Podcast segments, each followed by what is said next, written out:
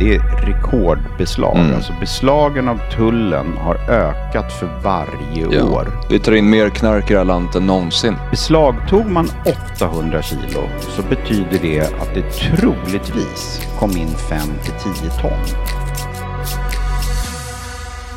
Ja, det är onsdag igen och vi sitter här på Skeppsbron i Stockholm i Sveriges största beroendepodd. Och den heter just En beroendepodd. Och jag heter Nemo Idén och till vänster om mig har jag Robert Boman. Tjena Robert! Hej Nemo, hur mår du? Jag mår jättebra, förutom att du är jättesen. Ja, yeah, jag är sen. Nu avslöjar jag dig. jag tänker transparens Men är den fint. som, den som väntar på något gott. Verkligen. Alla lyssnare känner så kan jag säga. Ja. Det finns ju, det är ju två liksom keywords vi har i tolvsteg, vilket är tålamod och tolerans. Precis. Ja, men för lyssnarna så är jag ju inte sen alls. Det är det som är grejen. Det är bara för mig och för dig då. Ja. Hej Felix! Tjena! Tja, hur mår du? Jag mår jättebra, hur mår du? Jag mår bra, tack. Eh, Det ska bli kul att hugga tag i eh, ett av de väldigt uppskattade frågeavsnitten. Mm, det ska det verkligen bli. Är ni redo att försöka liksom hjälpa till lite, sprida kunskap och eh, ja, göra det vi kan? Vi ska göra vårt bästa. Men jag tänker så här att innan vi dunkar igång den här episoden så kan ni gärna få berätta lite om hur man kommer i kontakt med The House om man behöver er på något sätt. Nej, men då kan man mejla till oss eh, och då mejlar man till alicia.thehouserehab.com. Och så finns vårt telefonnummer på vår hemsida. Och där så kan man kontakta oss om man har frågor om vad vi gör eller om beroende och anhörigproblematik. Eller om man vill komma in på ett första samtal och det kostar ingenting utan, och det är viktigt att lägga till. Eh, Ja, vi kan ju för tydlighetens skull säga att ni sitter på Skeppsbron 28. Precis. Centrala Stockholm. Ja, här sitter vi just nu också, för transparensens skull. ja, men vad mysigt, vad fint. Jag tycker att vi hugger tag i eh, veckans första fråga. Vi kör! Veckans första fråga lyder så här. Hej bästa ni. Jag har en fråga som jag vet att många oroar sig för. Om man söker hjälp för sitt missbruk, är det då risk att man förlorar vårdnaden för sitt barn? Måste SOS dras in per automatik? Beror på var man sö söker hjälp någonstans. Eh, söker man hjälp på ett behandlingshem som till exempel inte är i Sverige eh, så undviker man ju den frågan. Om man åker till, till avgiftningen så blir det per automatik en, en orosanmälan. Eh, och det handlar ju om att, att skydda barnen. Går man till socialtjänsten så, så blir det per automatik en orosanmälan. Samtidigt så ska man ha klart för sig att man förlorar inte vårdnaden i Sverige om man, om man också söker hjälp. Ehm, det, det är viktigt att lägga till. Jag tror många tror det, att, man, är- att det liksom kommer på köpet på något sätt. Men det är inte riktigt så. Nej, Eh, det, och där så är är det- det absolut inte. Det här är ju en svår sak att ha insikt i ifall man aldrig riktigt har varit liksom involverad i den här världen. Och det är såklart att en orosanmälan känns väldigt stor, för det är såklart stort. Liksom. Det är ju en läskig sak. Och det här kan ju sätta ganska många, så den här rädslan sätter ju väldigt många i ganska jobbig sits där man behöver ska, alltså, få hjälp. Men man vågar inte ta steget för det är självklart man är orolig att det ska bli problem med ens familj. Liksom. Och det där är ju naturligtvis ett moment 22 f- för många. Ehm, Jag har varit med om, om folk som har vänt i dörren på, på avgiftningen när de har fått reda, reda på det här. Och det, det är ju olyckligt naturligtvis, för att det, det blir ett moment 22. Det, den här regeln finns ju här för att skydda barn. Vilket vi måste. Ja, Men vi kan ju också lägga till att när man söker hjälp i tolvstegsrummen så är det ju absolut ingenting sånt här. För det är ju en helt, eh, ja men vad ska man säga, vi är ju en självständig organisation. Det är, ju- det, är ju inte en, det är ju inte myndighetskopplat på det sättet. Utan vad tolvsteg är, är ju byggt på välvilja och är en självhjälpsrörelse. Så där är det ju liksom beroende som hjälper beroende vi- och är helt anonym som står i de olika gruppernas traditioner. Ja, men sen kan man väl önska också att, att, att regelverket var lite mer eh, brett någonstans. Ehm, och, och snarare liksom titta på hur ser, och och det gör man ju när väl orosanmälan är på plats, men snarare titta liksom redan från början. Alltså hur ser, hur ser hemmamiljön ut? Finns det en stabil förälder Ja. till exempel? Nej, men då är det inte nödvändigt med en orosanmälan. Och, och så vidare. Så ser det inte ut om man åker, om man åker på ett allmänt behandlingshem här. Eller alltså om man kontaktar SOS eller avgiftningen och så vidare. Då är det här i vitt. Sverige, då Ja. Mm. är det väldigt svart på vitt. Ja. Har du barn, punkt. Det problematiska i det här är ju att som sagt, regeln finns ju för att skydda barnen. Precis, Eller hur? Men precis. tyvärr så skapar också den här regeln förutsättningar för att barn råkar illa ut för att föräldern inte vågar skaffa hjälp. Eller Mm. hur? Och menar, vi hjälper ju barnen också genom att hjälpa föräldern. Mm. Samtidigt så vi måste ha regeln, eller hur? Med tanke på hur många människor de här liksom, instanserna hanterar. Mm. Så som jag ser det. Så det, blir, det, det är verkligen två sidor av det här. Mm. Men båda har liksom pros and cons och det är väldigt svårt, svårt att navigera i. Precis, och, sen kan man ju som sagt söka sig privat. Ja, där, där det snarare då görs en individuell bedömning. Det här är en intressant fråga att ta upp med politikerna framöver, tänker jag, när vi bjuder in dem till podden. Verkligen. Så det, det får vi komma ihåg när, när det är dags. Det hade blivit en väldigt fin diskussion. Ja, men bra, viktig fråga och eh, bra svar. Det här är någonting som jag vet att många oroar sig för och tänker på, så att det var bra att vi kunde svara på det. Ska vi gå vidare? Vi kör. Kör på. Ni har säkert varit inne på liknande frågor, men jag skulle gärna vilja höra lite mer om hur man förhåller sig som mamma till sitt barn som är 16 år, som det osar beroendesjukdomen om. Det går liksom inte att sätta fingret på det, men jag bara vet. Och ta även in i beräkningen att jag som mamma är nykter och känner att jag blir sjuk av att vara i närheten av en aktiv. Tack för en fin och viktig podd. Svår fråga. Väldigt svår Ja, fråga. det. Väldigt svår fråga. Det framgår ju inte om, om hon faktiskt vet om dottern missbrukar någonting överhuvudtaget. Eh, utan det är en känsla hon har om, om jag tolkar frågan rätt. Osar beroendesjukdomen ur sitt barn. Och det kan ju naturligtvis finnas beroendebeteenden även om, om eh, dottern inte har börjat missbruka någonting eller missbrukar någonting överhuvudtaget. Eh, som, som mamman reagerar över att hon ser varningstecken. Nu skriver ju mamman här att hon själv är nykter och man blir lite nyfiken här på hur, hur har de pratat med dottern om det? Ja, för det är ju en, ändå en ganska viktig sak för, för oss som är nyktra och, att ha barn, och har barn. Att, att man pratar med barnen om, om att eh, sorry, man behöver inte göra det här så dramatiskt. Eh, utan sorry, eh, mamma och pappa har den här sjukdomen. Den är genetiskt överförbar. Eh, du löper lite högre risk än, än normala att hamna i den här problematiken eh, och, och försöker prata om det på ett avspänt sätt utifrån det. Alltså att man använder sig själv. Använder sig själv och är det så att det finns ett riskbeteende så är det ännu viktigare att ta upp liksom ifall det inte bara är en känsla utan det finns konkreta beteenden som tyder på att det kan finnas en problematik eller utvecklas en problematik. Och här så vet jag, det är självklart, det kan vara ganska svårt för en förälder att tala med sina barn om det här beroende på hur kommunikationen har sett ut tidigare, på hur relationen ser ut, allmänt var det här liksom barnet är i sin utveckling. Och här kan man också liksom ta hjälp för att belysa de här sakerna och utbilda den unga lite. För det som är i det här är ju att den unga har ju inga perspektiv. Den har ingen erfarenhet, den har inte, troligtvis inte gått igenom alla, den har inte gått igenom alla läxor som de några år äldre har. Och här så kan det behövas lite guidning och navigering för att det inte ska gå illa liksom.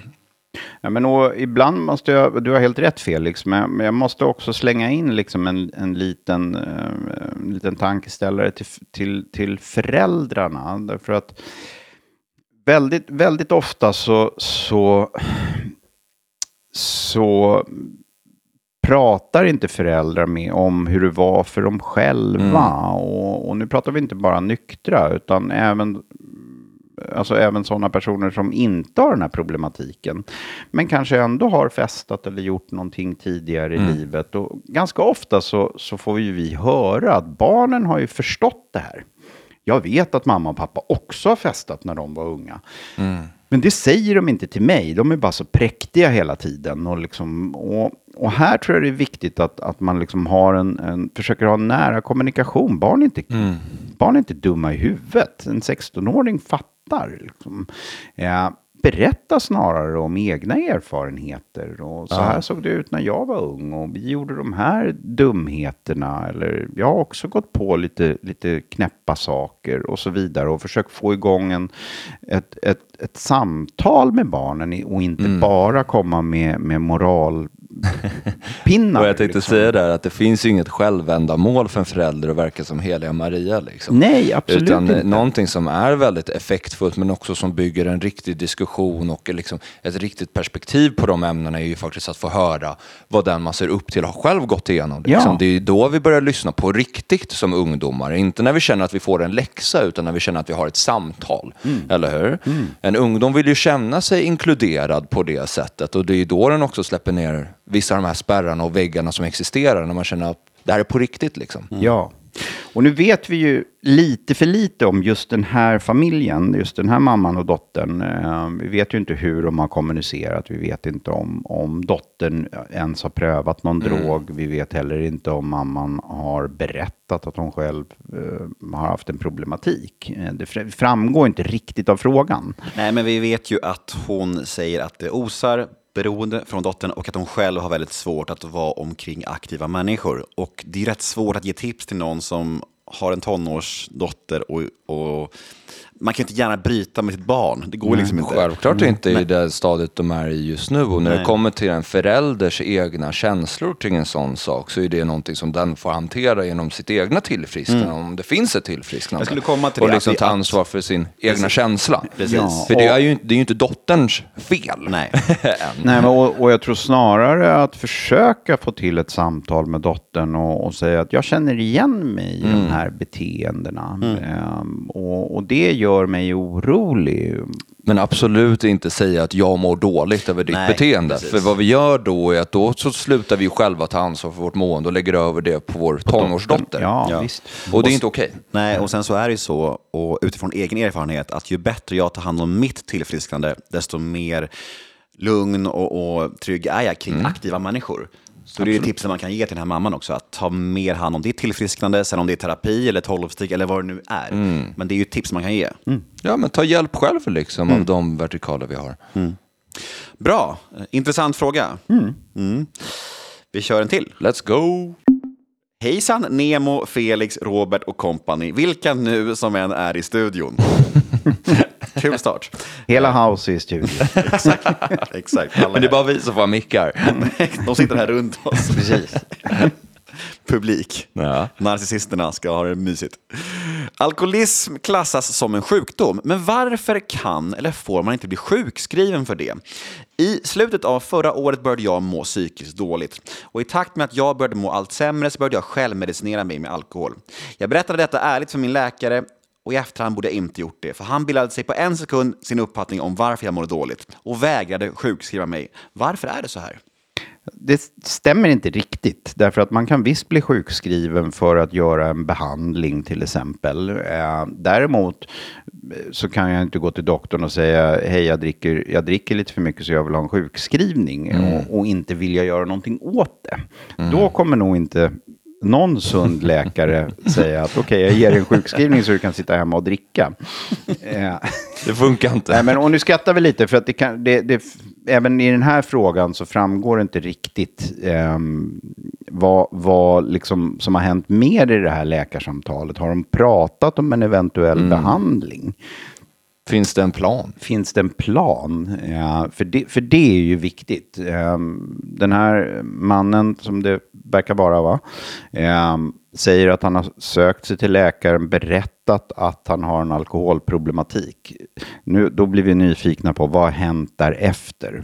Har läkaren rekommenderat honom någon, att söka någon form av behandling? Eh, har man diskuterat att, att kontakta socialtjänsten till exempel? Eh, eller att söka en privat behandling? Ehm, för gör han det så har han absolut rätt till en sjukskrivning. Eh, om man går in i en behandling. Och läkaren sa ju just att, eller frågan säger att läkaren ändrade uppfattning till varför individen mår dåligt liksom. Och då är det ju intressant att se, jag vet inte, står det att han, sök, han sökte sig dit för ett beroende liksom. Precis. I, attack, eh, I slutet av förra året började jag må psykiskt dåligt och i takt med att jag började allt sämre så började jag självmedicinera mig. Och i det så är det ju självklart någonting som man måste nämna också är att liksom, precis som allt annat så finns det ju fortfarande ett, liksom, en okunskap och ett stigma kring beroende. Eller hur? Så det kan ju också bero på vilken läkare man går till som styr vilket bemötande man får i den här frågan. Mm. Vi ser ju många som inte är helt insatta i exakt vad ett beroende är och speciellt hur man ska liksom behandla det. Mm. Ja, men, och, det är viktigt det som Felix säger, att det finns fortfarande mycket god kunskap. Samtidigt så, så kanske man inte kan kräva att en, en öron, näsa, halsläkare ska kunna allt om beroende. Mm. Um, och nu säger vi inte att han har gått till just det, men har han gått till en allmänläkare så kanske faktiskt inte den här allmänläkaren har en så bred kunskap om beroende. Ja. Mm. Utan det är viktigt att, att söka sig då till en beroendemottagning. Exakt, där det finns special lokalkunskap kring just det här. Mm. Men det är också bra det du säger och det är väldigt konkret det här med att ja, när man faktiskt vill tillfriskna och vill göra en behandling då, då finns, det, en visst, då finns det visst möjlighet Det finns hjälp att få, absolut. Mm. Då kan man bli sjukskriven. Liksom. Mm. Precis. Mm.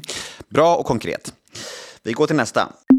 Hur vet man att någon är beroende? Min syster, 39 år, dricker sig sällan, om ens någonsin, full. Men både jag och mamma reagerar på att hon nästan alltid måste ha något att dricka när vi ses. Till exempel när jag bjöd på lunch och sa att vi inte skulle servera alkohol så tog hon med sig egen öl. Är det här något jag borde reagera på? Det bästa sättet att testa är en råttfälla med en flaska i. ja, exakt. Ja, punkt. Det var svaret för idag. Nej. Nej, men vad tänker ni? Det är en komplex fråga. Det låter absolut som någonting som man borde reagera på. Det kanske inte är att den här personen är i ett fullskaligt beroende än. Men vad det låter som är ju att individen är på någon form av trappa upp mot ett beroende. Eller hur? Vi brukar ju skilja på riskbruk, missbruk och beroende. Det är ju helt omöjligt att svara på vart den här individen befinner sig i den trappan. Men att behöva ta med sig eh, alkohol i den formen när man vet att det inte ska serveras för att ha liksom, tyder ju på att det finns någon form av dependency kring alkohol. Någon mm. form av problematik och mm. man skulle kunna eh, verkligen höja på ena ögonbrynet när, när familjen ber om en alkoholfri lunch, ja. som du säger Felix. Och det inte eh, går. Och, och, och det inte går, det, det respekteras inte. Men då, då kan man börja undra att här, här, här luktar det som att det finns någon form av problematik. Mm. Sen är det ju viktigt att lägga till i den här frågan att, att för att vara beroende eller missbruka eller befinna sig i riskbruk, det betyder inte att, jag, att, att, att saker måste, måste gå åt pipan. Mm. Um, för vissa gör det det. För vissa går det åt pipan eller jag beter mig illa eller beter mig som en apa eller vad det nu är för någonting. Men, men för andra så tuffare snarare på mm. i en maklig liksom, takt. Dricker sina, liksom, sin halvflaska vin varje kväll eller varje dag. Eller tre glas vin fem gånger i veckan och så vidare. Där det inte händer någonting dramatiskt. Det behöver inte hända det. Mm. Ja. Men har man svårt att avstå till exempel i en sån här situation en, en, en, en vanlig lunch mm. som ska vara alkoholfri, där, där omgivningen ber om att den ska vara alkoholfri. Om man inte klarar det, då, då kan man börja ifrågasätta sin relation till alkohol. Ja. Och det är absolut, alltså det är absolut en öppning, eller inte en öppning, men kanske läge för ens familjemedlemmar också att tala med individen, eller hur? Och fråga liksom, vad hände här? Vi sa ju liksom att vi skulle köra alkoholfritt. Precis, och, och, här hos oss på, på The House så har vi ju hela spektrat av klienter som mm. söker sig till oss. Allt ifrån där, där det liksom går käpprätt åt helvete ja. om man dricker eller tar droger sju dagar i veckan. Men väldigt många av våra klienter så, så gör inte det. Jag tänkte, jag tänkte komma till det, att det behöver inte ha gått till ett fullskaligt beroende som vi ofta liksom förknippar med beroende. Där liksom allting har liksom kraschat och vi har nått den här botten som alla pratar om hela tiden. Det går liksom, är bäst att söka hjälp i sådana fall, eller rättare sagt ta hjälp, innan det händer. Mm. Eller hur? Och vi har många klienter som, som dricker några öl varje kväll, men, men har själva konstaterat att det funkar inte. Det här är inget bra. Jag mår mm. inget bra av det här. Jag blir liksom, det är en blir, dålig vana. Ja, men jag blir trött och, och sover lite sämre och så vidare. Så Min familj är oroliga. Ja. Inte alltid, men ibland. Nej, inte alltid, men och familjen kanske inte ens alltid ser Mm. det. Utan, och återigen, det kanske handlar om tre öl eller två glas vin, men det här sker varje kväll och det påverkar faktiskt sömnen. Ja, det gör det. Det påverkar mitt mående, jag blir tröttare. Eh, och, och många, vi har alltså många klienter som dricker på det här sättet, som söker sig till oss, som, som själva upplever att Nej, men jag vill inte ha det så här. Jag, jag, jag känner mig liksom bunden till att, att de där Det ölen ska finnas eller den där flaskan vinen ska finnas. Och, och det skulle väl kunna också vara ett sign. Börjar jag bli liksom irriterad eller stressad över att, att fan, jag har ingen vin kvar hemma.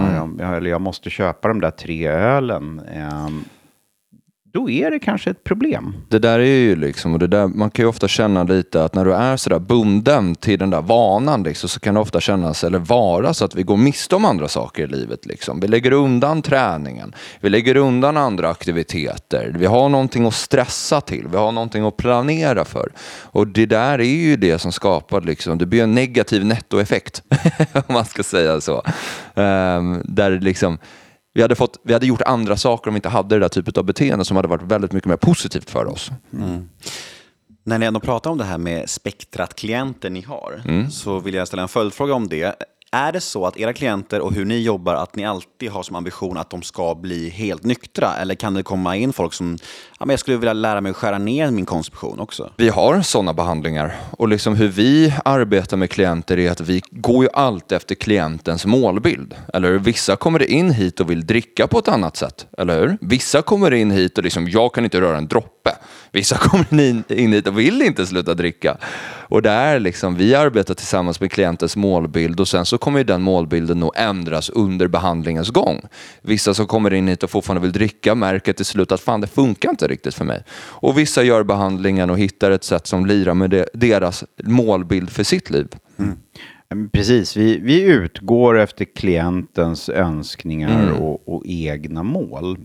Vi dunkar inte i huvudet på Nej. någon att de inte ska någonsin dricka mer, utan det här måste ju individen själv bestämma och själv sätta upp sina egna mål. Sen är det precis som Felix säger, att under själva behandlingen så är det många som ändrar den här målbilden och ändrar sin inställning. Eh, men återigen, det är ingenting som vi slår i huvudet på dem. Nej. Vi gör ingen moraliskt självändamål, så att säga. Vi vill ju hjälpa alla klienter komma till en hållbar livsstil där de mår bra.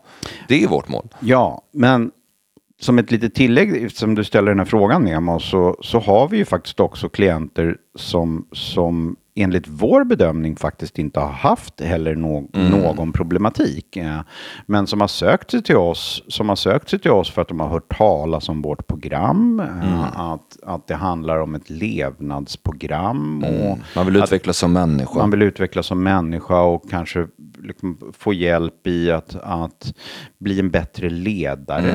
Ja, Men, men tror de att de har problem när de kommer hit ens? nej. Nej, Ja. de, de vill bara utvecklas. Fan vad Ja. häftigt alltså. Ja, det är jättehäftigt. Och sen vissa kan ha en oro över sitt beteende. Liksom. Men det...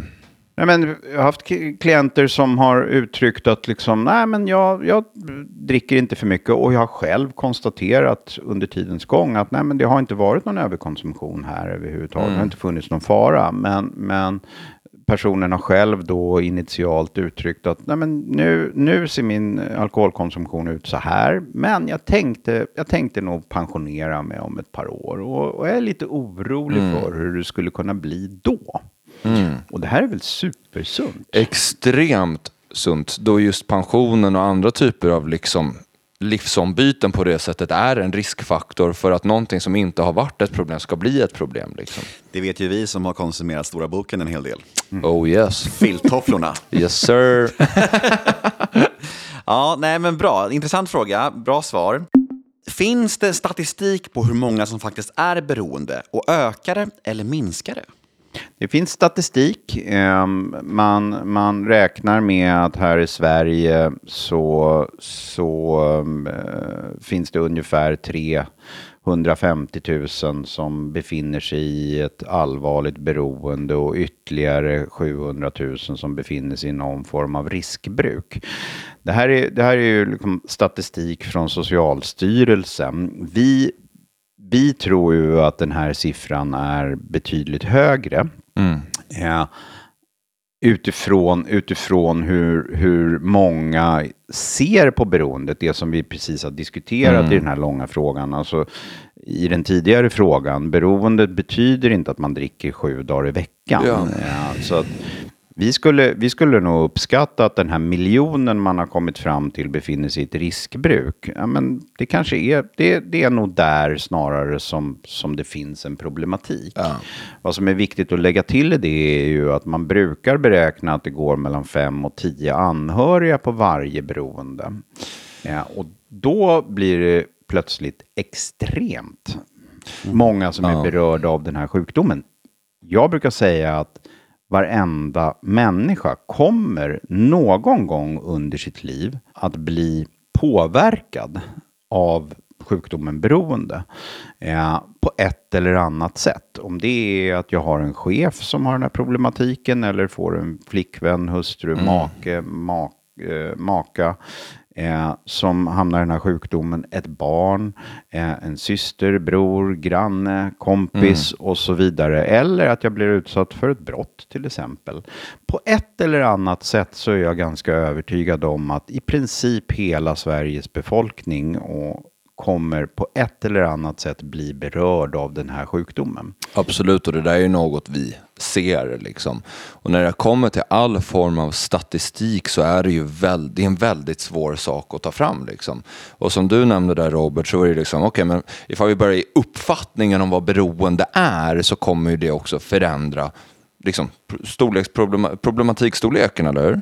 Men det är ju så här i alla former av statistik och informationssamling när det kommer till exempel, kolla på det här med substansbruk hos ungdomar genom CAN. Det är ju alltid problematiskt liksom med ärlighetsgraden, med defini- definitionsfrågorna. Och ifall du tittar på dem, liksom, den statistiken så är det liksom, ja men across Across all spans så går eh, bruket ner just nu. Mm. Och det är ju liksom tvärt emot ett, vad vi ser och två, vad vi tyder utifrån statistiken och vart samhället är på väg. Ja, det här är ju Kans siffror, att, att narkotikaanvändningen skulle, skulle plötsligt börja gå lite ner. ehm, Och alkohol. Och även alkohol. Och här är, eh, vår bild är ju att, att absolut så finns det trender, eh, och det handlar inte bara om Sverige utan det handlar även internationellt. Det finns trender som, som pekar på att många ungdomar idag tycker att alkohol är, är skit faktiskt. Eh, man vill vara fräsch, man vill ta hand om sin kropp och så vidare. Det finns en stor grupp som skippar alkohol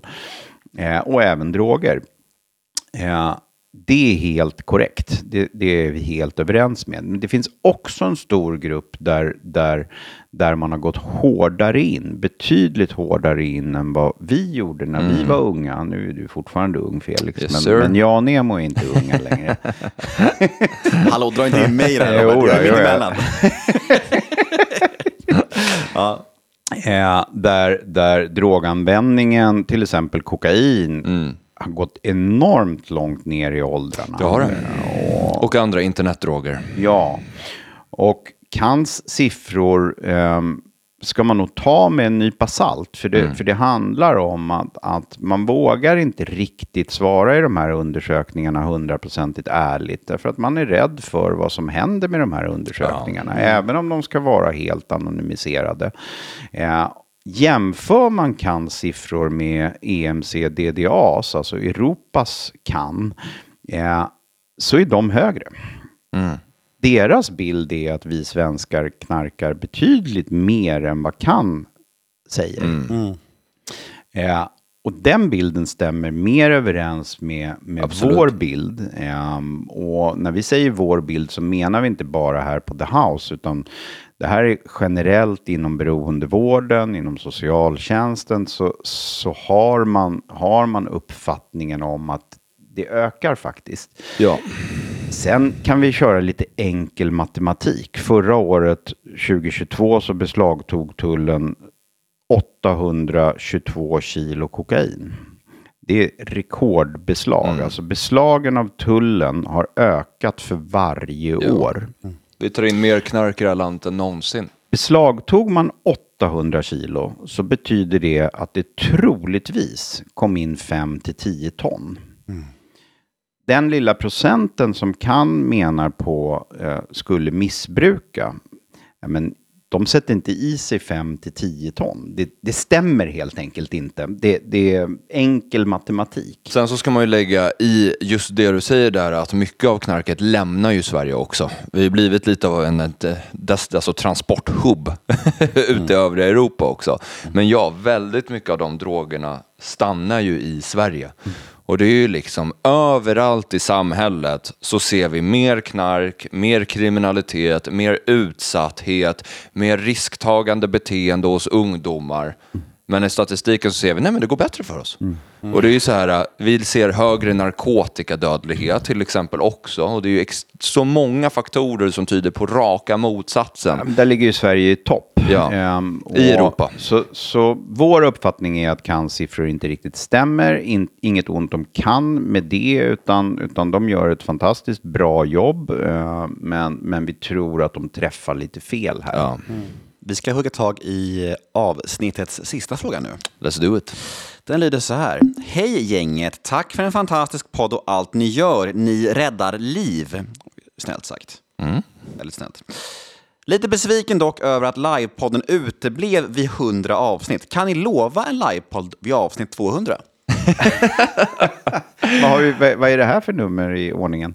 Som vi, 160 vi gör nu. Jaha, nu. menar episod? Ja. Tror vi på 160? Ja, strax över 160. Men vet du vad? Då kan jag, Felix Granander, lova att vi gör en livepodd vid avsnitt 200. Stort. Ja, det var stort faktiskt. Ja, men det ser vi fram emot. Det är stora löften. Nej, men stora vi- löften för stora poddar. Vi vill verkligen göra en livepodd. Ja, verkligen.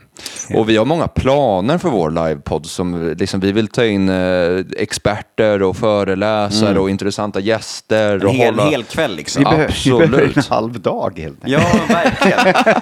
Så vi kör dagspass. Och vi längtar efter att träffa våra lyssnare. Ja, men vi tror verkligen att det finns, eh, att vi kan skapa ett otroligt intressant samtalsforum med en livepodd. Liksom. Så det, det ser vi verkligen fram emot. Ja, och till skillnad från alla andra livepoddar så kommer, kan vi lova också att det kommer vara en väldigt överkomlig peng för att komma dit. För att eh, alla ska kunna ha möjlighet. Absolut, men på den livepodden ska också bidra till något gott. Så, Så vi det. kommer ju samarbeta med organisationer som gör bra. Och det, vi, har väldigt, vi, har väldigt, vi har ju som sagt pratat om en livepodd tidigare. Mm. Och eh, vi hade väldigt fina planer för den. Så det ska vi absolut göra. Fint, ett löfte alltså här i en beroendepodd. Ja. Mm. Men lovar, lovar Robert? Ja, men nu försöker jag ju undvika det. Ja, men gör det Nej, därför inte. det, är klart, det är klart att vi ska göra det. Ja. Bra, och eh, ja, tack för idag grabbar. Tack, Tack själv.